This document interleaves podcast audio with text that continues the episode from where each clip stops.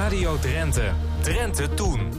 Je luistert naar de podcast van Drenthe Toen met een nieuwe serie waarin je alles te weten komt over de geschiedenis van het waterleidingnetwerk in Drenthe. Mooie verhalen uit de tijd dat mensen er nog geld voor over hadden om een watertoren in te mogen. Toen, eh, toen die watertoren net uh, gebouwd was, was die iedere zaterdag geopend en konden mensen voor 10 cent naar boven om van het uitzicht te genieten. Dat werd door een vrijwilligers van een stichting gedaan.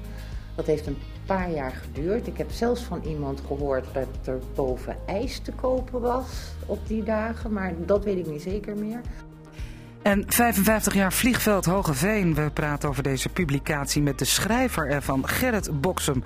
En het gebruik van anekdotes wordt niet geschuwd, dat je het maar even weet. En het Hunsebos ten zuiden van Exlo is een schitterend natuurgebied vol geschiedenis. En om dat echt te ervaren, wordt daar een belevingsroute geopend. Wat er allemaal te doen is, dat horen van Geopark de Hondsrug. En hij is er jarenlang mee bezig al. Marcel Zanting met het uitpluizen van de oorlogsgeschiedenis van de gemeente Zwelo. wordt een lijvig boekwerk. We zochten hem op en verbazen ons over de spannende verhalen die hij uit archieven weet op te diepen de bewoner van die boerderij die, uh, die zorgde er steeds voor dat, dat uh, de, er stond een grote tafel in de woonkamer en hij zorgde ervoor dat die, dat die tafel steeds tussen hem en die SD erin zat. Want hij had al een keer een klap gekregen van hem en hij wilde niet nog een keer een klap krijgen. Dus ze liepen rondjes om die tafel, zeg maar. Nou ja, dat soort informatie vind je terug en dat, dat spreekt heel erg tot verbeelding natuurlijk.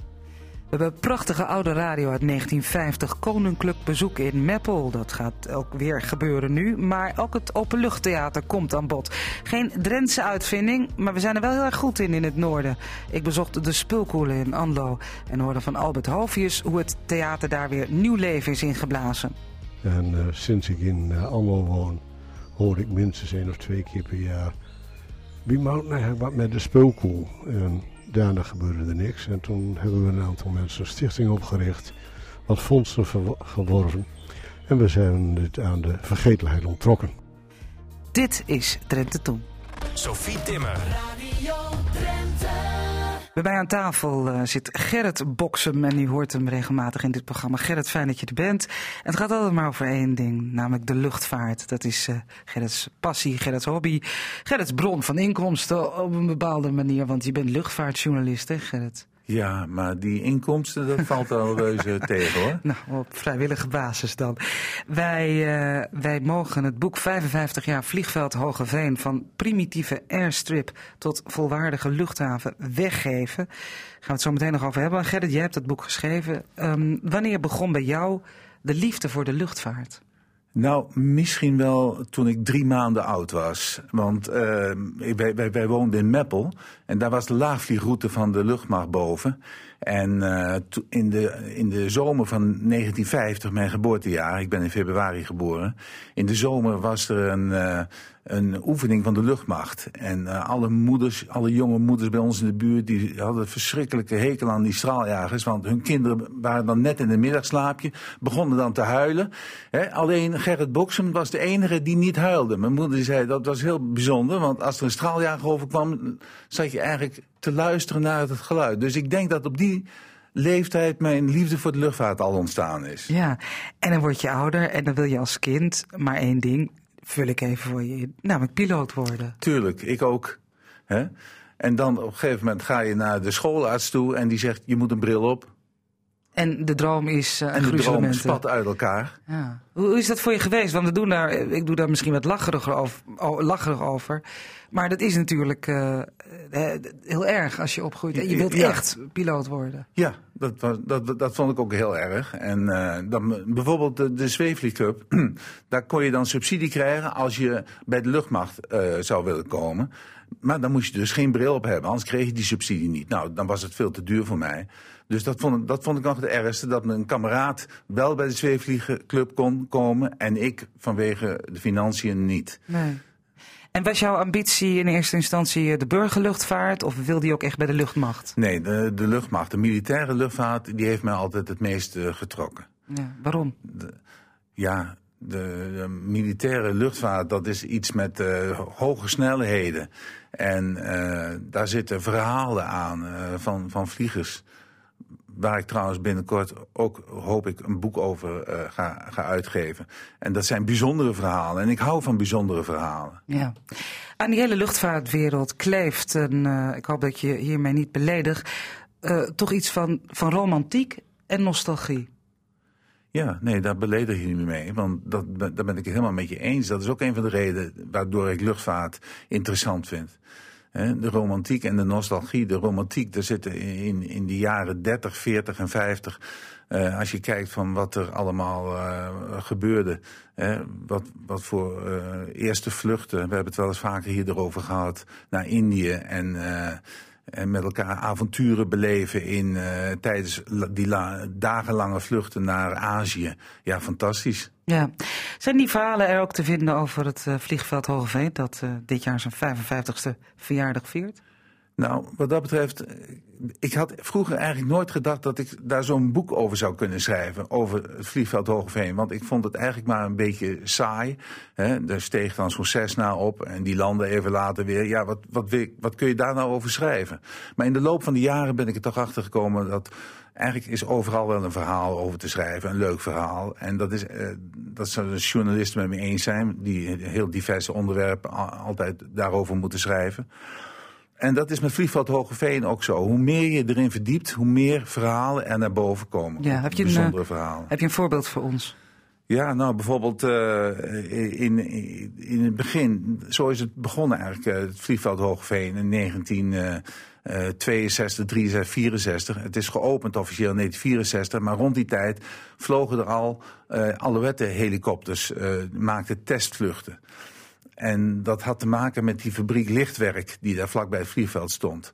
En als, ik heb eens een keer iemand gesproken die daar werkte bij, bij, dat vliegveld. En die vertelde me toen ook bijvoorbeeld een heel komisch voorval. Hij maakte vanaf het vliegveld Hogeveen een testvlucht met zijn helikopter. En uh, samen met de invlieger. Hij was dan zelf zeg maar, administrateur aan boord. Moest alles opschrijven. Samen met invlieger uh, Van der Harten, een bekende man. En uh, toen waren ze op grotere hoogte allerlei testen aan het doen. Daar waren ze zo intens mee bezig dat ze op een gegeven moment wilden terugkeren naar het vliegveld Hogeveen. En dat hele vliegveld uh, was, was niet te vinden. He, dat kwam ook door, door, door van die snelle, snelle uh, winden die op hoog, grote hoogte bliezen. En uh, ze dachten van hoe komen we nou weer terug? Ze hadden niet opgelet. Ze hadden eventjes niet opgelet. En uh, toen dachten ze van, oh, uh, hoe komen wij nu weer terug? Ze hebben toen een, zijn ze naar een dorpje gevlogen, een willekeurig dorpje, wat ze beneden zagen liggen. Hebben ze gekeken op een ANWB-richtingsbord, zijn ze zo dicht mogelijk daarbij gaan vliegen. maar daar werd ze ook niet wijzer van, want op de, aan de ene kant stond dan centrum en op de andere kant stond station. Dus dat, dat, toen wisten ze het ook niet meer. Nou, gelukkig uh, kwamen, zagen ze op een gegeven moment een, uh, de grote, ik dacht de Enka-fabriek dat dat in Emmen zo heette. En toen zagen ze, zeiden ze, oh wacht even, nu weten we weer hoe we terug moeten komen. Zou het nou niet meer gebeuren, toch? Zoiets? Nee, nee, nee, nee, nee, nee. Is er wat dat betreft veel gebeurd in de afgelopen 55 jaar? Wat, wat, wat nou ja, uh, de tand destijds niet heeft doorstaan qua veiligheid of, of vliegtuigen, noem maar op? Ja, er, zijn, er, is, er is altijd de, de, ja, de gebeurt, waar mensen werken, daar gebeuren natuurlijk altijd allerlei dingen. En ook hier eh, op vliegveld Hogeveen uh, is, is er van alles gebeurd. Ik, in, in het boek staat ook een hoofdstukje, daar ontkom je niet aan, een hoofdstukje ongevallen. Gelukkig is Hogeveen vergeleken met andere vliegvelden een veilig vliegveld uh, geweest, eigenlijk altijd. Maar dat wil niet zeggen dat er niet een ongeval, een zware ongeval gebeurd is. Hè, waarbij een, een, een Cessna op een gegeven moment uh, uh, wilde gaan landen met vier personen aan boord. En uh, die, die man die, die, kwam van de verkeerde kant aanvliegen. Die had ook niet opgelet. En er was in wezen niks aan de hand. Hij had zo kunnen gaan landen. Maar toen de havenmeester hem erop wees dat hij van de verkeerde kant landde... toen had hij in paniek, gaf hij gas en wilde hij ronddraaien. Maar toen had hij zijn flaps verkeerd staan. Waardoor hij afgleed, zo, zoals we dat noemen. En uh, met een klap op het uh, vliegveld, uh, op een weggetje naast het vliegveld terecht kwam. Die mensen hadden die klap in wezen nog wel overleefd. Maar toen iemand anders de deur wilde openen, kon hij de deur niet open krijgen. Een buitenstaander. En op datzelfde moment vloog het vliegtuig in de brand. En zijn die mensen, die zijn alle vier uh, omgekomen. Dus dat was het ernstigste ongeluk wat daar uh, uh, is gebeurd op het vliegveld Hogeveen. Ja, dat zijn in, nu eenmaal, net als met de auto's, ongelukken zijn er onlosmakelijk verbonden aan ja. opereren met vliegtuigen ja. ook. Nog even voordat we naar de, de muziek gaan, Gerrit. Jij bent geboren in 1950, Koude Oorlog. die speelt ook een rol in de lucht. Heeft Hogeveen daar nog een rol in gespeeld op de een of andere manier? Nee, eigenlijk niet. Uh, want het was uh, het, het, enige. De, in het begin waren het, wat ik net zei, wat militaire activiteiten met helikopters die ingevlogen werden. Uh, vanaf het, vanaf de, de, lichtwerkfabriek, tegenwoordig Fokker. en er zijn oude straaljagers, Hunters. Die zijn in 1962, 63 zijn ze gesloopt door datzelfde bedrijf, lichtwerk. Maar verder eh, heeft het, uh, de hele Koude Oorlog heeft geen enkel effect gehad op het vliegveld Hoogveen. Wat vooral uh, historische vliegtuigen en zakenluchtvaart inhield. Ja, dat was Hogeveen. Dat is hoog, was en is Hogeveen. Gerrit, um, ja, waarom heb jij Kijk, dat je een bril nodig had en dat daardoor jouw carrière in de luchtmacht um, gedwarsboomd is, dat begrijpen we allemaal. Maar je had als hobbyvlieger ook nog het een en ander kunnen doen. Maar je hebt nooit je, je vliegbrevet gehaald. Waarom niet? Nee, nou ja, misschien is het wel zo dat uh, luchtvaartjournalisten en zelf vliegen, dat uh, schijnt elkaar een beetje te bijten. Dat, is, dat zie je bij anderen ook wel. Als je erover schrijft, dan is het vliegen, uh, nee, dat, dat, dat doe je dan niet. En ik zou bovendien zou ik totaal ongeschikt zijn als vlieger. Want daar moet je allerlei eigenschappen hebben. Uh, rustig blijven in, uh, in, in, uh, bij, bij technische storingen. Hè. Niet in paniek raken. overzicht houden een beetje afstand kunnen nemen. Nou, eh, ik ben met één brok emotie en ik kan uh, totaal geen afstand nemen van wat ook.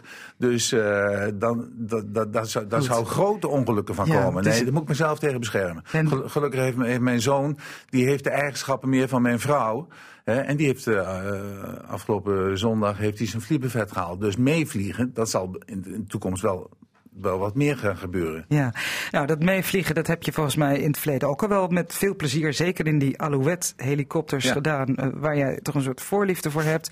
Maar dan is er ook nog de politiehelikopter en daar heb je nog een verhaal over. Nou ja, kijk, de, politiehelikopter meevliegen, dat is, uh, ik denk dat de kans daarop heel klein is. Dat er heel weinig mensen meegevlogen hebben met politiehelikopter. maar hij komt wel regelmatig op het vliegveld Hogeveen om bij te tanken. Als hij dan in het noorden een opdracht gedaan heeft, dan uh, komt hij regelmatig op vliegveld Hogeveen om bij te tanken. En in de tijd dat er eh, we hebben ook een gevangenis, hadden we in Hogeveen, de Grittenborg. En op een gegeven moment kreeg de havenmeester op het vliegveld Hogeveen... die kreeg een, uh, een, uh, een telefoontje van de directeur van de Grittenborg... die nogal opgewonden was. En die zegt van, misschien kunnen u mij helpen... maar er vliegt hier zo'n blauw, blauw-witte helikopter... die vliegt de hele tijd hier laag over onze gevangenis heen. En ik ben bang dat er, dat het iemand is die... die een gevangene wil oppikken.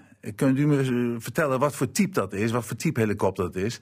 Ja, zegt uh, de havenmeester, daar hoef je helemaal niet uh, bang voor te zijn. Dat is gewoon de politiehelikopter. Ja, vast niet om uh, gevangenen op te pikken. Zeg, je hebt al even gezegd, die luchthaven die kwam er 55 jaar geleden. Die heeft nou, op, op, op wereldschaal niet een hele grote rol gespeeld. Maar wel historische vliegtuigen en het hobbyvliegen, denk ik. Maar wat is nou vandaag de dag het belang van een, een regionale luchthaven als Hogeveen? Nou, het is uh, eigenlijk uh, ooit begonnen als uh, een zakenvliegveld. Ze dachten ook van, we gaan daar een betonbaan maken. We gaan op een gegeven moment, komen de straalvliegtuigen. Dat was allemaal in, die, in het begin van de jaren zeventig. Toen de bomen economisch ook nog tot in de hemel groeiden. En van milieuschade en overlast nog veel minder sprake was dan tegenwoordig maar dat is allemaal veranderd sinds de economische, sinds de brandstofcrisis in 1973. en de toenemende inspraak van bevolking over geluidsoverlast is dat allemaal veranderd. En is Hogeveen uiteindelijk toch een grasbaan gebleven. Hè, waarin de zaken luchtvaart eigenlijk niet een hele de, grote rol heeft uh, kunnen spelen die ze oorspronkelijk wel had moeten spelen. En wat er veel meer naar boven gekomen is, dat is de historische luchtvaart. De historische luchtvaart neemt op dit moment een echt heel belangrijke rol in uh, op vliegveld Hogeveen. En uh, het vliegveld staat ook wel bekend, ook wel in Nederland, maar ook wel zelfs daarbuiten, om zijn prachtige historische onderhoud, goed onderhouden vliegtuigen Ja. die we hebben. Maar goed, dat, dat gaat ook maar zo lang goed, denk ik, tot het misgaat. Of met andere woorden, heeft de historische luchtvaart toekomst? Ja, ik denk het wel, juist wel. Uh, dus, dus, het is uh, heel belangrijk om het, om het vliegend erfgoed te behouden. Dat uh, hebben ze gelukkig in Nederland wel steeds meer door. Alhoewel er ook soms wel een heel mooi vliegtuig naar het buitenland vertrekt. Zoals de Catalina een tijdje geleden. Maar juist de interesse in historische luchtvaart wordt steeds groter. En op dit moment is het zelfs zo dat we in Hogeveen een, een, een topper hebben, een wereldtopper. Dat is de Fokker D21, een replica die op dit moment, waar de familie van Egmond en zijn kameraden op dit moment bezig is om die in, in, elkaar te zetten. En als die straks gaat vliegen in 2020, dan is dat echt uh, wereldnieuws. Dan zijn wij erbij. Voor nu dankjewel Gerrit Boksem voor je verhalen en voor het boek 55 jaar Vliegveld Hogeveen. En zoals ik al zei, we mogen hem weggeven. Bezoek ons uh, op onze Facebookpagina van Drenthe Toen. En als dat niet lukt, dan mail je maar. Dan gaan we nou beginnen met een nieuwe serie in dit programma. Een serie die draait om de ontwikkeling van de waterleiding in Drenthe. Want het heeft nog behoorlijk lang geduurd voordat alle adressen in de provincie waren aangesloten op het waterleidingnetwerk. Zoals tot in de jaren 60 van de vorige eeuw. Over Drenthe en het leidingwater zijn veel mooie verhalen te vertellen. En we beginnen met een nieuwtje. De watertoren van Assen namelijk is vanaf dit weekend te koop. Ik ga zo meteen wel vertellen hoe en wat. Eerst collega Lydia Tuinman die op pad ging om het 35 meter hoge gevaarte in Assen eens van dichtbij te bekijken. Uh, dit is de watertoren van Assen. Uh, die is in 1961 gebouwd door de gemeente Assen, die toen eigenaar was van het gemeentelijk drinkwaterbedrijf. Er was een andere watertoren, die stond aan de Rollerstraat. Een hele mooie oude watertoren met hele markante dakkapelletjes. Die was uh, te klein geworden als uh, was gegroeid en hij verkeerde ook niet in zo'n hele goede staat meer. En toen is besloten om een nieuwe watertoren in Assen te bouwen. Het is een hele moderne watertoren, eigenlijk een van de allerlaatste die in Nederland gebouwd zijn. Want tegenwoordig kunnen we druk op de leiding opbouwen met pompen. We hebben ze dus niet meer nodig, deze monumentale torens. we hebben ze niet meer nodig steeds meer watertorens worden buiten gebruik genomen in Nederland. En uh, dan worden ze vervangen door pompen. En dan zoeken bedrijven, waterleidingbedrijven, uh, een herbestemming voor de watertorens. Want vrijwel alle watertorens in Nederland hebben een monumentale status. Uh, er zijn watertorens die omgebouwd zijn tot kantoor. Nou, iedereen kent waarschijnlijk wel de Koperen Hoogte bij Zwolle, waar een restaurant in zit. Dat is een hele grote jongen. De watertoren van Assen is een stuk kleiner. En uh, WMD heeft uh, een jaar of drie geleden deze watertoren ook buiten gebruik gezet. Uh, en wij zijn nu bezig om te kijken of er iemand is die een mooi plan heeft om deze watertoren ook geschikt te maken. Misschien voor een bed en breakfast of voor een woning of wellicht een andere bestemming. Hij komt te koop. Uh, ja, hij komt te koop. Aha. Dan moet je wel zin hebben in trappen lopen. Er is een mogelijkheid om uh, er een lift in te maken. Dat is uh, gecheckt met de monumentenwacht en de monumentenzorg. er zijn verschillende dingen mogelijk. Er zit natuurlijk een enorm reservoir bovenop de toren. voor het water wat erin zit.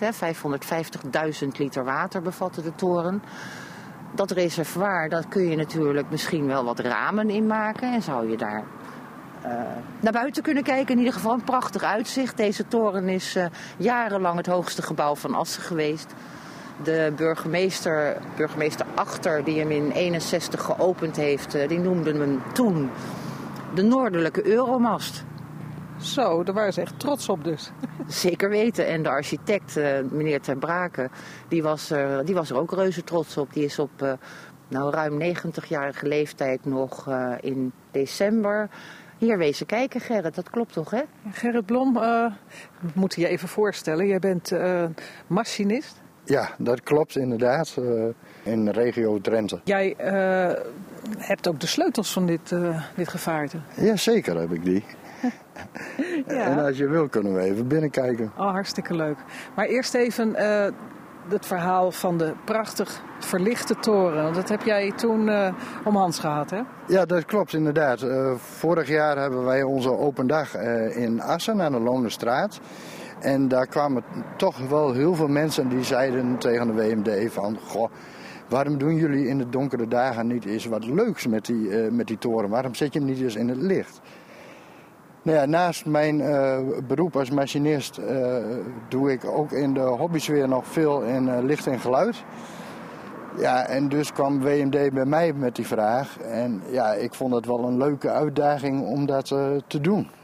Dus jij hebt deze hele toren van boven tot onder van verlichting voorzien. Want hij is eigenlijk goed deels van glas. Hè? Dus van binnenuit kan je hem prachtig laten stralen. Ja, dat klopt inderdaad. Die toren is grotendeels helemaal van glas aan de onderzijde. Dus uh, je bent daar relatief, uh, kan je heel eenvoudig kan je dat uh, verlichten. Maar je krijgt er wel een enorme conditie van. ja, ja, want jij moest met al die zware lappen en al die trappen op. Ja, dat klopt inderdaad, ja. Zeg, en je hebt een oude meneer heel erg blij gemaakt, hoorde ik. Ja, ja er kwamen ontzettend veel positieve reacties op de actie van de WMD die ik voor mijn werkgever mocht uitvoeren. En daaronder ook een uh, van de dochter van de architect. Want tegenwoordig via social media, dat gaat enorm snel. En ja, die is hier uh, zelf nog ter plaatse geweest. Die man uh, die was 91 jaar, die zat in een verzorgingstehuis. die was niet meer mobiel. Men heeft vervoer geregeld zodat die man hier naartoe kon om te genieten van de verlichting die ik aangebracht heb. In zijn toren? In zijn toren, ja. ja. En dat geeft je wel een enorm gevoel van voldoening. eh. Ja, want wat, wat zei hij? Ja, hij was enorm trots en uh, ja, je kon, hij kon zich niet meer uiten uh, door zijn ziekte, maar je zag dat hij daar emotioneel van werd. Ja, mooi moment. Nou, gooi die deur eens open. Ik, uh, dat heeft nog nooit iemand voor mij gedaan, een watertoren openmaken. nou, eens moet de eerste keer zijn. ja.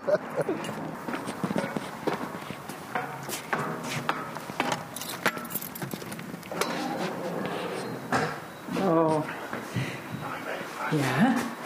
Ja, ik heb hem. Oh, snel de inbraakbeveiliging uitdoen. Zo. Ja, dat is echt uh, dat mooie jaren zestig uh, idee van in, uh, de, de, ramen in, in metaal vatten. Hè? En ja, de, de zijpilaren zijn eigenlijk van, van beton. dit is ook een monument, Annemarijn. Dit is een monument. Dus daar kan je uh, wel wat aan doen, maar niet al te veel. Nee, maar in goed overleg. Hè. Het is natuurlijk nu een industrieel gebouw.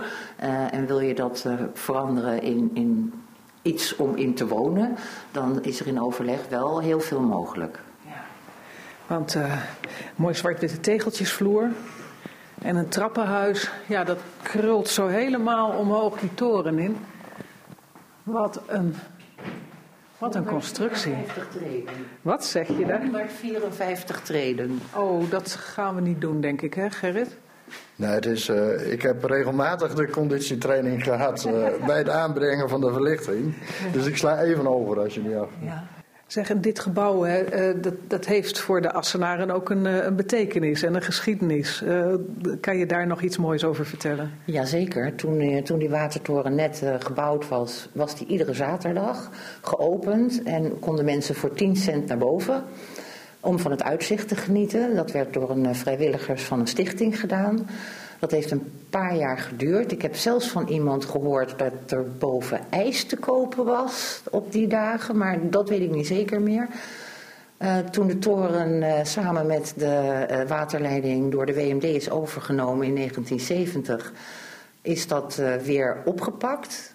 Eh, op woensdag en op zaterdag in het zomerseizoen kon je de toren beklimmen. Daar werd ook een bedragje voor gevraagd en dat ging dan naar de personeelsvereniging van de WMD. Maar ook dat heeft niet zo heel erg lang geduurd. Nee, dus in die werkende watertoren klommen dan de mensen uit Assen omhoog om van het uitzicht te genieten. Voor een dubbeltje. Voor een dubbeltje, want bovenop het reservoir is een grote open ruimte, een publieksruimte, die daar speciaal eigenlijk voor gemaakt is. Zodat je aan alle kanten het uitzicht kunt bekijken. En wij hebben in 2007, eh, toen is de toren helemaal gerestaureerd, hebben wij één keer nog een open dag hier gedaan. En daar kwamen zoveel mensen op af dat het eigenlijk ook de allerlaatste keer is dat we hem geopend hebben. Want uh, we hebben toen heel veel personeel moeten inzetten om ervoor te zorgen dat iedereen veilig naar boven en naar beneden kan. En zoals je ziet is de trap smal. Maar boven, door het reservoir heen, wordt hij nog eens de helft smaller. Ja, dan kan je echt niet langs elkaar heen. Dus dat moet je goed organiseren uh, wanneer de mensen uh, boven zijn en wanneer ze dan met z'n allen weer naar beneden kunnen. Ja hoor, we hadden iedereen, het was nog een beetje voor de tijd van de mobiele telefoons zoals we ze nu kennen. Dus we hadden op iedere verdieping medewerkers staan die met elkaar konden communiceren van nu mogen er weer tien omhoog, want er komen er weer tien omlaag. Ja, ja ja, bijzondere verhalen over een uh, bijzondere plek in Assen, die misschien uh, ja, ook wel weer een hele bijzondere nieuwe functie gaat krijgen. Laten we dat hopen, want uh, hij blijft hier gewoon staan. Ja, dat lijkt me wel de bedoeling. De Watertoren in Assen, een van de, meen ik, vijf in Drenthe. Er is geen vraagprijs voor die toren. Ze gaat naar degene die het meest haalbare en realistische plan voor herbestemming realiseert binnen drie jaar tijd. Dus heb je een visie, een plan een uh, idee om van deze watertoren iets heel bijzonders te maken, schrijf je dan in. Je hoorde Lydia Tuinman in gesprek met Anne Ooms van de Waterleidingmaatschappij Drenthe. En zoals gezegd in de komende uitzendingen veel meer. We duiken samen in de geschiedenis van de Drentse waterleiding. Wij spraken zojuist over de waterleidingmaatschappij eh, en de aanleg van de waterleiding in Drenthe. En hoe belangrijk dat was voor de volksgezondheid. Daar weet Aaldert Oosterhuis alles van. Old Nijs. Vanaf deze zondag kun je in dit programma Drenthe Toen luisteren naar een serie gesprekken over de geschiedenis van de waterleiding in Drenthe. Een geschiedenis die in grote lijn begund is in het jaar 1866, toen er landelijk een cholera-epidemie uitbrak, behalve in Amsterdam, want daar drinken ze al leidingwater. De provinciale Drijnse en Azerkraan van 26 juli 1866 stiet vol met alles wat maar verbaand haar met deze cholera-epidemie. Wat te doen? Nou, de kraan haar zelf ook wel enige ideeën. Want, zo stiet Bobenman, voorbehoedmiddelen te nemen tegen de vreselijke ziekte is de plicht van elk mens ten opzichte van zichzelf en van de zijnen, maar niet minder is zulks de plicht van de besturen van provinciën, steden en dorpen. Verschillende besturen kwijten zich dan ook in deze met loffelijke ijver van hun plicht. Wij nemen evenwel de vrijheid, ieder die het aangaat, in overweging te geven of het niet goed zou zijn de schoollokalen, vooral op plaatsen waar de cholera is heersende, gedurig zoveel mogelijk te zuiveren. Tja, en hoe dan waar? Nou, de muren van onderen met teer te bestrijken achten wij veel gezonder dan met verf. Die teerlucht mogen eerst een weinigje onaangenaam zijn, zij is bepaald gezond. Zoals de chloor op straten aangevoerd wordt tot zuivering, zou ze misschien ook in de scholen aan te wenden zijn. Die het beter weet, zeggen het, en die in deze zin handelen kan, doe het. En zo werd de kraan nog te melden dat in Assen de schooltijd voor de kleinen inkut is en de lucht in de schoollokaal met chloor zuiverd wordt. En dan een heel lang overzicht in diezelfde kraan hoe alle gemeentes in Drenthe omgaan met deze cholera-epidemie. In alle Drentse gemeentes, dat waren er toen 33, is sprake van aansporing tot bevordering van reinheid. Ook wordt er in Veulen en zo niet alle Drentse gemeentes een cholera-commissie benoemd. In Slien alleen voor de buurt Schonoord, zo staat hier, waar het gevaar groter is door het verkeer met schippers, etc. Ook was er sprake van schorsing van allerlei activiteiten. Zo ging de Veuljaarsmarkt in Borgen niet deur. In Koeven was er geen sprake van openbare vertoningen, orgeldraaiers, etc. In Hogeveen en Rune waren openbare vermakelijkheden verboden. In Zuidwolde werden liedjeszangers weerd. En ook zorgden de politie en de Goldera-commissies voor toezicht op schepen. Wanneer zich een geval aan boord voordoet, zal het schip buiten de bewoonde plaats in ene wijk onder toezicht gesteld worden en gezorgd worden voor zuivering, desinfectie, etc. Slus- en brugwachters mogen geen schepen met cholera-leiders doorlaten. In M wordt zeer tegen mestvalten op openbare wegen gewaakt. In De Wiek was een lokaal beschikbaar voor afzondering van gezonde meisjes, vooral voor kinderen. En ook in de krant een hele lijst met locaties waar reinigings- en desinfectiemiddelen te verkrijgen waren, zoals bijvoorbeeld chloorkalk en ijzervitriool. En tot slot wordt nog vermeld dat het vervoer van cholera-lijken naar andere gemeenten is verboden. En dan nog een kleine geruststelling. In de plaats De Wiek zal een commissie een betere verordening op besmettelijke ziekten ontwerpen.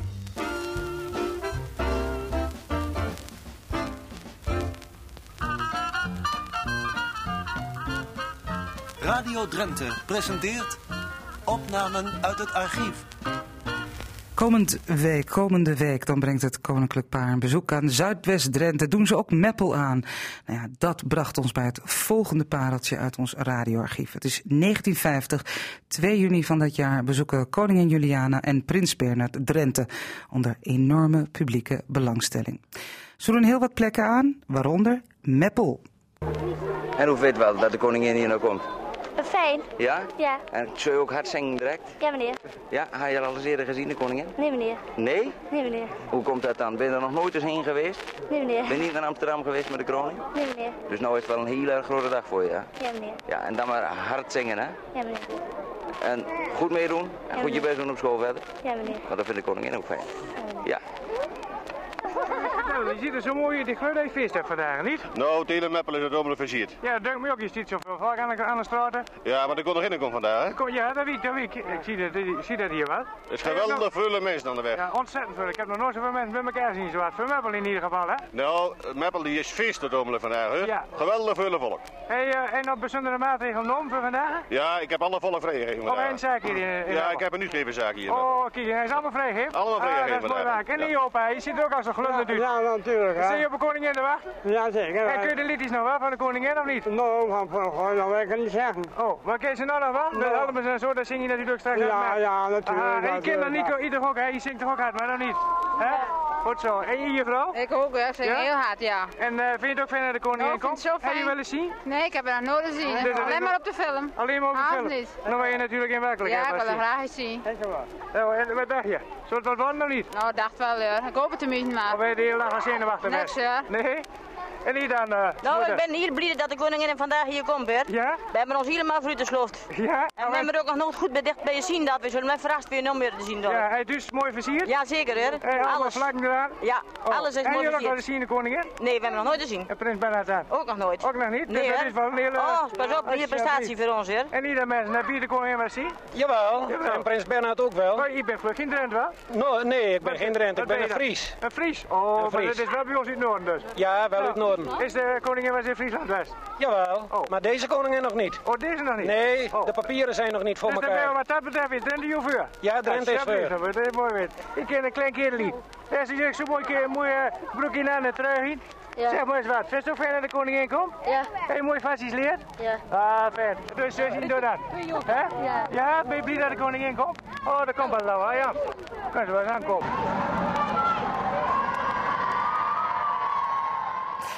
Dit is Drenthe Toen. En zometeen gaan we naar het Openluchttheater in Anlo, een van de vele openluchttheaters in Drenthe. En Lydia Tuinman heeft een interessante ontmoeting met Marcel Santing.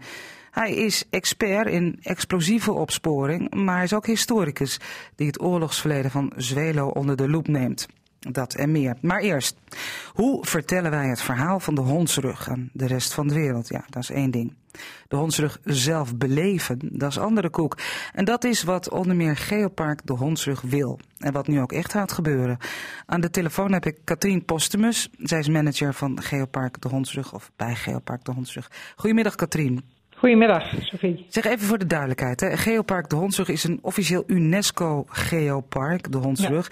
Dat betekent dat jullie wereldwijd erkend en beschermd zijn. Dat klopt, ja. ja. Wij maken onderdeel uit van een wereldwijd netwerk onder auspiciën van de UNESCO. Ja, nou, dat is niet niks. En Nee, waar, wij het, eh, waar wij het nu over gaan hebben, dat is het eh, project Hunsebos 3D. Dat is letterlijk die hondsrug in en op en onder. En nou ja, allemaal in en rond het Hunsebos. Onder Exlo ligt dat. Kun je dat eh, wat nader voor ons toelichten? Ja, nou kijk, het gebied bij, bij Exlo, het Hunsenbos de Leeuwal, dat is eigenlijk een heel bijzonder gebiedje. Wij noemen het ook wel Kleintje Geelpark. Eh, je moet daar echt omhoog de hondsrug op en je kunt de hondsrug dus echt ervaren. Maar je ziet daar ook eh, een droogdal uit de laatste ijstijd, een hunebed, grafheuvels, keienweggetjes en heel veel zandduinen. Dus echt dus een, een bijzonder gebiedje. En wij dachten dat is eigenlijk de ideale plek om eh, dat idee van eh ja, Hunsenbos 3D uit te gaan voeren. Dus zal ik uitleggen wat we met Hunsenbos 3D willen doen? Ja, graag. Ja, we hebben daar eh, twee routes. De een is eh, de het Sabeltand-Tijgerspoor, dat is voor kinderen. En we hebben voor volwassenen, eigenlijk mensen die zich geen kind meer voelen, er zijn er niet zoveel hoor, maar eh, daar hebben we de tijdreisroute Leewal voor. En bij die kinderroute, het Sabeltand-Tijgerspoor, ga je op zoek naar de pootafdrukken van deze tijger. Je komt dan via een spannend pad bij speelobjecten. Waar, je kunt daar klauteren, klimmen en er is zelfs een kabelbaantje. En je kunt deze route dus eigenlijk eh, lopen zonder app, maar je kunt ook een app gebruiken op je telefoon. En als je die gebruikt, wordt het nog leuker. Want dan kun je allemaal spelletjes doen onderweg, VR-filmpjes bekijken en zelfs een eh, virtueel een wedstrijdje tegen de sabeltandtijger doen. Ja. Nou, en ook voor de volwassenen is die route erg leuk. Lijkt me ook, klinkt heel spannend. Ik onderbreek je, Katrien, Ja. want ik zit even, blijf even hangen bij dat sabeltand. Heeft die sabeltandtijger daar rondgelopen?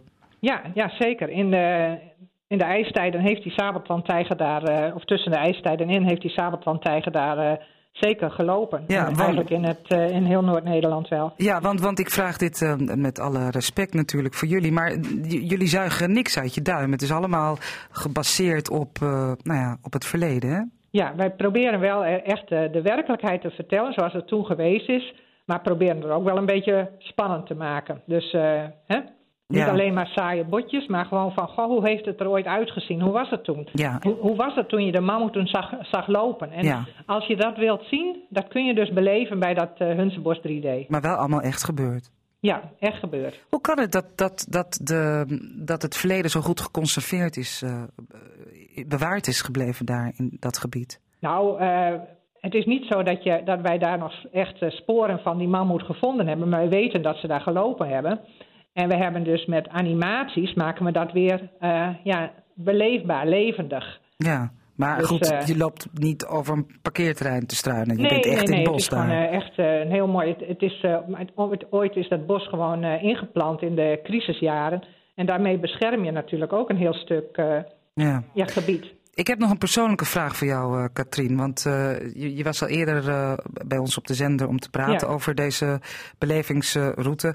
En ehm, het, het ging jou erom om het hondsruggevoel te ervaren. Maar wanneer ervaar jij dat hondsruggevoel? Nou, voor mij is het hondsruggevoel dat je echt een beetje trots bent op dit gebied. En dat je weet dat het een rug is, ontstaan in de ene laatste ijstijd. Dat het een landschappelijk een mooi gebied is, met heel veel archeologie. Hè, een schat aan archeologie, zeggen wij. Maar ook heel veel eh, mooie natuur, mooi landschap, eh esdorpen, eh, bossen, heiden. Ja, een beetje trots zijn op wat we hier hebben. Ja, goed, voor de duidelijkheid. Jullie richten je op kinderen, ook, ook kinderen van 50 zeg maar. Ja. Alle leeftijden dus. Jullie doen het ook nog eens een keer drietalig. Waarom is dat? Nou, wij willen in. eh, ja, toerisme is natuurlijk een belangrijke sector eh, voor het eh, platteland, ook op het Hondsruggebied, om ook ja, economisch een beetje vooruit te kunnen. Het toerisme is groeiende. Er komen ook steeds meer buitenlandse toeristen. En eigenlijk hebben we heel weinig producten die meertalig zijn. En als geopark vinden wij het belangrijk om die meertaligheid wel door te voeren. Dus we hebben al onze informatie, ook onze website is drietalig. En we hebben gedacht, deze, eh, ja, deze activiteit, Hunsenbos 3D, zouden we ook drietalig moeten doen. Ja. Marketing Drenthe is daar ook erg blij mee, want die zegt ook van, ja, wij, wij proberen wel om die buitenlandse gast deze kant op te krijgen, maar we hebben eigenlijk geen aanbod voor hun. Nou, en dat eh, komt hier dus wel. Wanneer gaat het gebeuren tot slot? Nou, eh, komende vrijdag is de opening. Ja. Goed. En daar doen de kinderen van de basisscholen in uh, Exlo en uh, Valten aan mee. Dus het uh, wordt heel erg leuk. Dankjewel uh, Katrien voor jouw toelichting en ja. veel succes met deze belevingsroute. Dankjewel. Over amusement gesproken, dan in de open lucht. Vorige week waren we in dit programma nog in de Spulkoelen in Appelscha. Een openluchttheater. En in Drenthe zijn er heel veel. Waren er ook heel veel. Maar wat is dat met Drenthe en het openluchttheater? Anlo, Borger, Diever, Grollo, Havelte, Roderwolde, Ruinen en Zwelo. Nou ja, Diever natuurlijk misschien als wel meest bekende in heel Nederland. Daar werd in 1946 al de eerste voorstelling gespeeld, Shakespeare, een midzomernachtsdroom. Emmen en Zuidlaren en ook Assen hebben een eigen openluchttheater gehad en in Assen wordt die min of meer weer gebruikt. Maar we gaan deze middag naar Anlo. De spulkool is daar uit zijn as herrezen om het dramatisch te zeggen. Ik was daar samen met Albert Hovius, historisch geweten van de streek, geschiedvorser en enthousiast vrijwilliger bij de jaarlijkse Edstoel in Anlo. Op een steenworp afstand van zijn eigen huis vind je het plaatselijk openluchttheater en hij neemt ons mee. Eerst maar eens even naar het verleden, zo'n 80 jaar terug in de tijd. Dan praten we over de jaren 30. Toen de toenmalige dominee in uh, Anlo, meneer Beek, die heeft toen met een aantal uh, jongelui van de Christelijke Jeugdvereniging hier ja, een soort theatertje aangelegd. Een soort openluchttheatertje. Ze hebben wat uh, plaggen uitgegraven en daar zitplaatsen van gemaakt. Een verhoging. En toen had je een theater. Paste ook wel in, uh, in die tijd en in Drenthe, hè? Dat paste voortreffelijk in die tijd en zo. En dat, uh, nou, er is een aantal keren zijn er uitvoeringen geweest, uh, wat leken spelen. En er werd af en toe eens een keer een openluchtkerkdienst gehouden. Nou, toen brak de oorlog uit. Daarover weten weinig wat er in die tijd gebeurd is hier.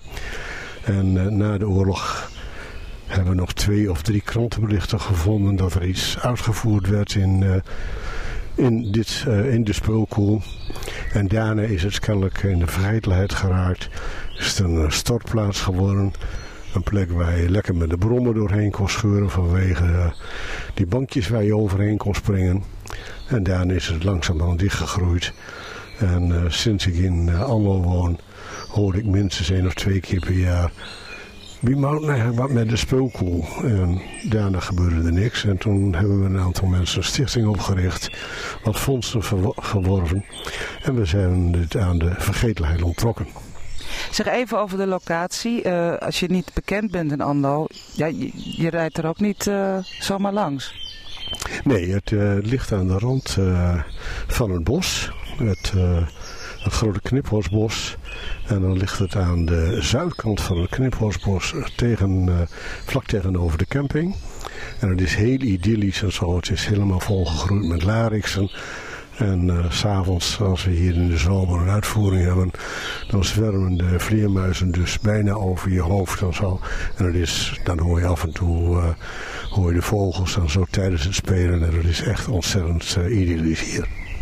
Maar als je nou denkt dat je eerder nou, aan, aan de rand van een kuil zit, met plaggen en alles, dat, dat is niet meer zo. Het is aangepast aan de ja. eisen van vandaag. Ja, vandaag aan de dag en zo uh, hebben uh, muzikanten en zo, die hebben uh, hun instrumenten hebben ze zeer lief en die willen graag beschut zitten.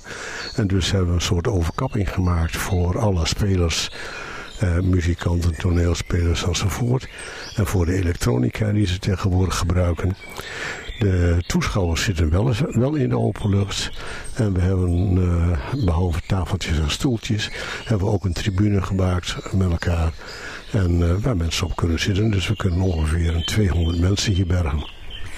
Wat, wat is dat nou? Je, je kunt ook je ook voorstellen dat mensen denken, nou we willen lekker binnen, hoog en droog. Wat is dat nou in Drenthe dat wij zo ontzettend veel open lucht spelen hebben gehad, nog steeds. Uh, dat theater maken in de buitenlucht. Nou, ik denk dat dat uh, toch een nostalgisch gevoel is en zo. En dat je eigenlijk, theater gaat natuurlijk over hele diepe emoties. En uh, diep menselijke emoties. En ja, dat is toch fantastisch en zo. In de open lucht, in de natuur en zo. Met de vogeltjes om je heen. Uh, mooier kun je je niet voorstellen. En er gebeurt nog eens wat in Andal, hoewel jullie hebben niet veel te klagen. De Edstoel natuurlijk, afgelopen augustus. Ja, wij uh, hebben een heel uh, jaarprogramma. We beginnen meestal in uh, april of mei. Dat loopt tot en met september, behalve in de maand augustus. Want dan zijn we allemaal in Anlo druk bezig met de Edstoel. En dat is ook een gouden greep van zo'n fantastisch gebeuren. Ja, daar ben jij ook nog bij betrokken, meestal, hè? Als koekenbakker.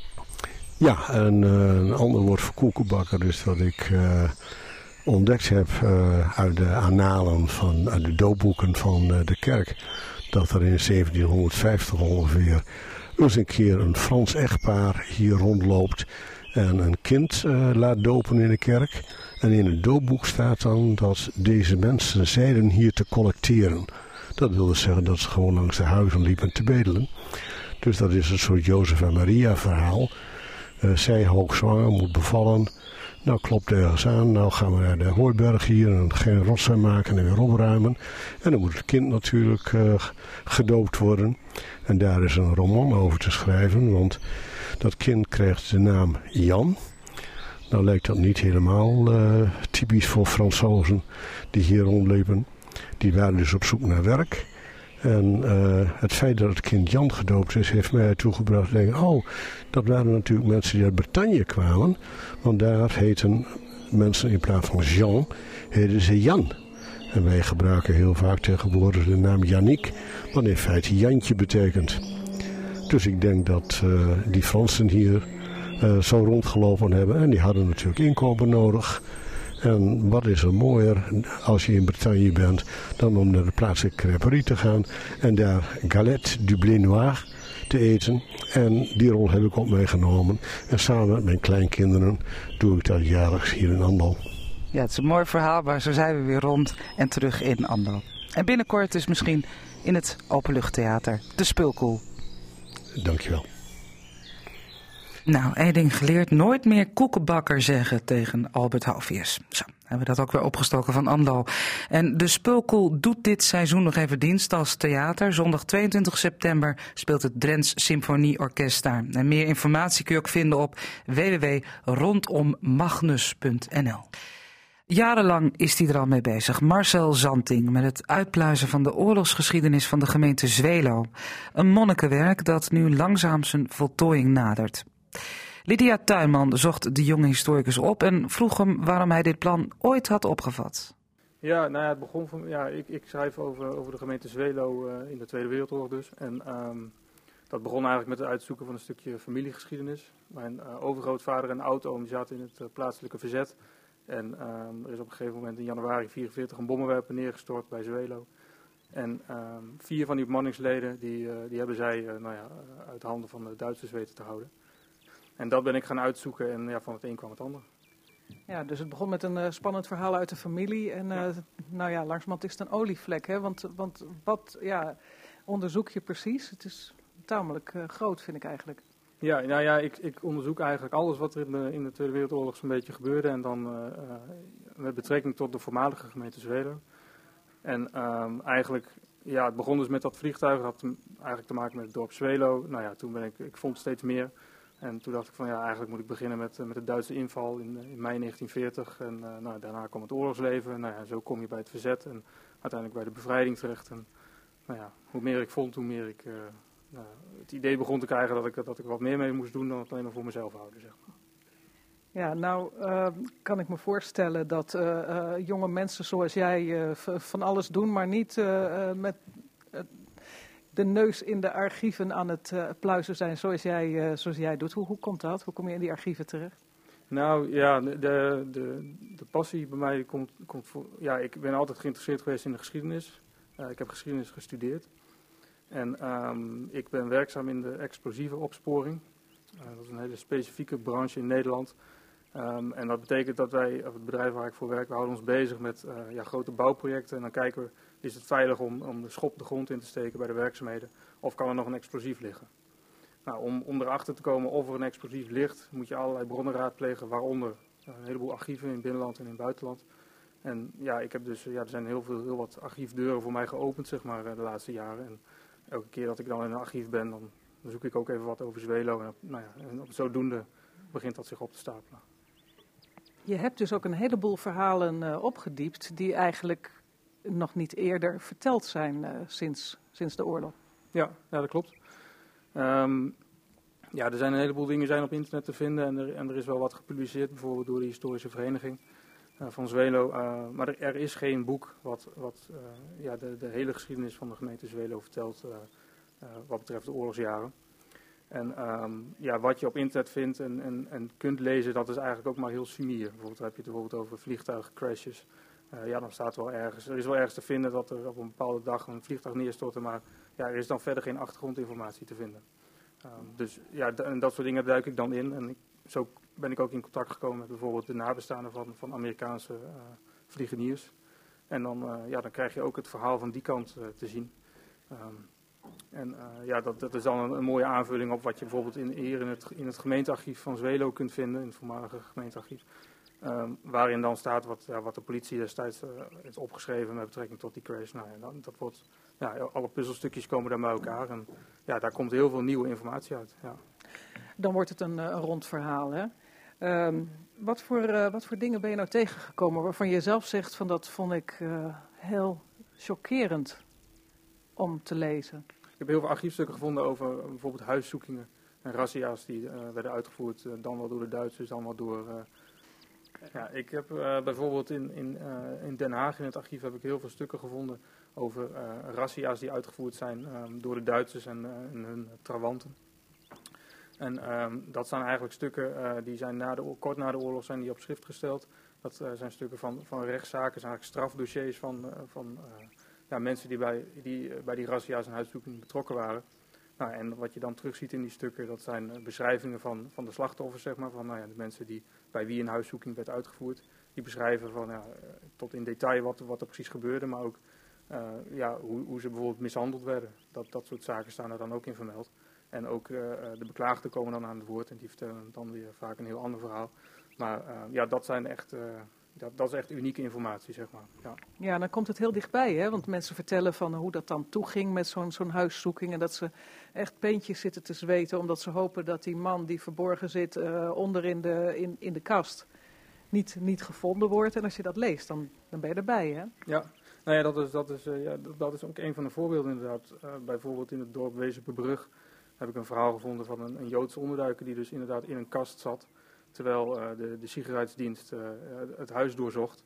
En uh, nou ja, een van die leden van de SD, van de sigaretsdienst, nou, die had nogal losse handjes. En de bewoner van die boerderij, die, die zorgde er steeds voor dat, dat de, er stond een grote tafel in de woonkamer. En hij zorgde ervoor dat die, dat die tafel steeds tussen hem en die SD erin zat. Want hij had al een keer een klap gekregen van hem en hij wilde niet nog een keer een klap krijgen. Dus ze liepen rondjes om die tafel, zeg maar. Nou ja, dat soort informatie vind je terug en dat, dat spreekt heel erg tot verbeelding natuurlijk. Ja, dat, dat, is, dat is heel erg beeldend. En uh, wat, ja, wat mij ook uh, uh, bezig hield is dat, dat het geweld, de gewelddadigheid komt heel dichtbij. Hè? Het geweld van de Duitsers letterlijk tegen de, de mensen in, in, in de dorpen. Dat is, ja, komt, komt gruwelijk dichtbij. Ja, ja dat klopt. Ja.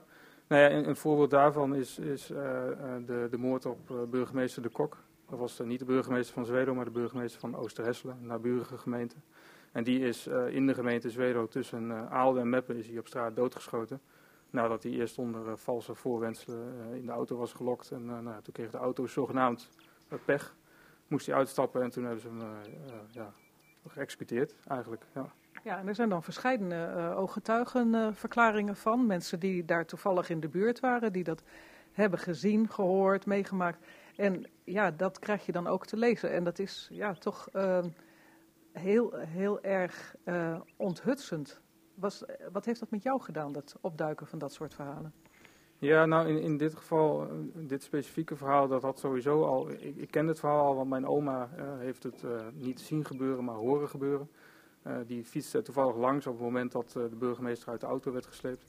En um, nou, ze, hebben nog, uh, ja, ja, ze, hebben nog gewacht tot zij uit het zicht was.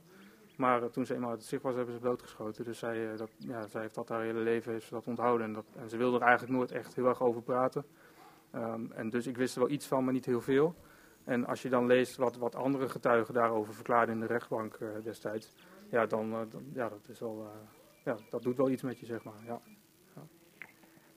Nou uh, zitten we hier in het uh, kasteel in Koevoorde. We hebben hier afgesproken omdat jij hier ook weer uh, bezig was in Koevoorde om onderzoek te doen in het, in het archief. Waar ben je nu mee bezig? Nou, ik, heb, ik ben inderdaad net in het archief geweest en ik heb onderzoek gedaan naar het sneuvelen van een Nederlands militair in de meidagen van 1940. Dat was Meindert Bottenburg uit Amersfoort. Um, die kwam dus niet uit de gemeente Zwelo, maar ja, was, was gelegerd in, in, in de noordelijke delen van het land, zeg maar. Lag aan de grens. En um, hij is uh, tijdens gevechten tussen de Duitsers en Nederlandse troepen op 10 mei 1940 in Zwelo gesneuveld. En uh, ligt ook nog steeds begraven op het kerkhof daar. Um, dus ja, dat was het, uh, het, doel van mijn bezoek, om even wat meer te vinden over, ja, over, over, zijn sneuvelen. Over die specifieke soldaat, jonge, jonge man neem ik aan. Ja, ja hij was, hij was een jonge man, ja. ja, ja. heb je wat gevonden wat voor jou de moeite waard was? Uh, ja, nou, ik heb onder andere dus uh, uh, een verslag van de burgemeester, burgemeester Klein van de gemeente Zwelo gevonden, waarin hij een melding doet. vaak schrijft hij een brief aan zijn ambtsgenoot in Amersfoort, waarin hij melding doet van het sneuvelen van Bottenburg. Ja, ja. U hoorde Marcel Zanting en zijn boek komt naar verwachting binnen een jaar uit. Dan spreken we hem natuurlijk weer, want over dit diepgaande onderzoek is nog een boel te vertellen. Collega Lydia Tuinman maakte deze bijdrage.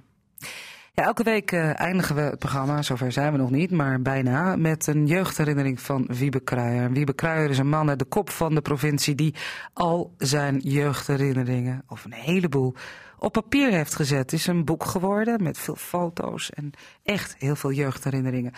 Kruijer is uh, zeven jaar voor het begin van de oorlog geboren en heeft die oorlog meegemaakt. En de oorlog, gebeurtenissen, veranderingen om hem heen waren aanleiding om uh, die jeugdherinneringen te noteren. Soms zijn ze vermakelijk, soms zijn ze verdrietig en soms zijn ze opmerkelijk. Robert Oosting leest ze elke week voor ons voor.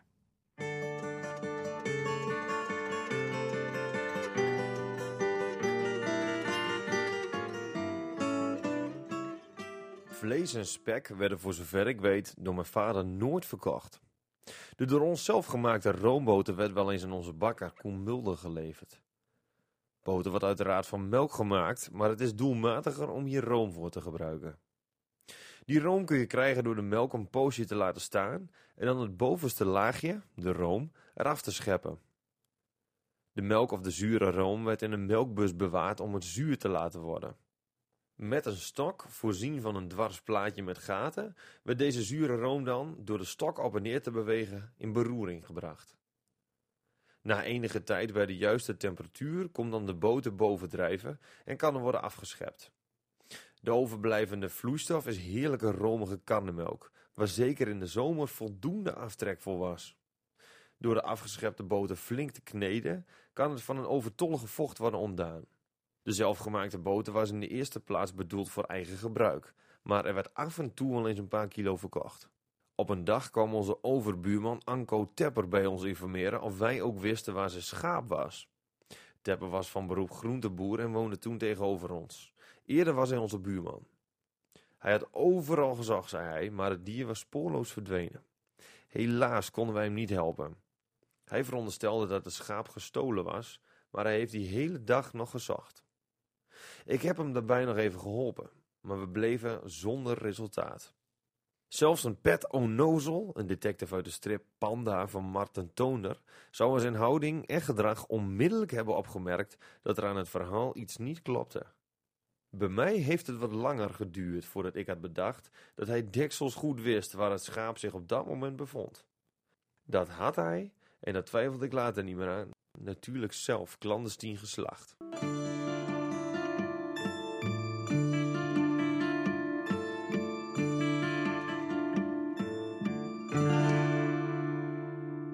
Je luisterde naar de podcast van Drenthe Toen. Dankjewel. Luister ook eens naar onze andere podcast van Casata of de Sportcast. En als je het leuk vond, laat het dan weten met een aardige hoeveelheid sterretjes. Dankjewel.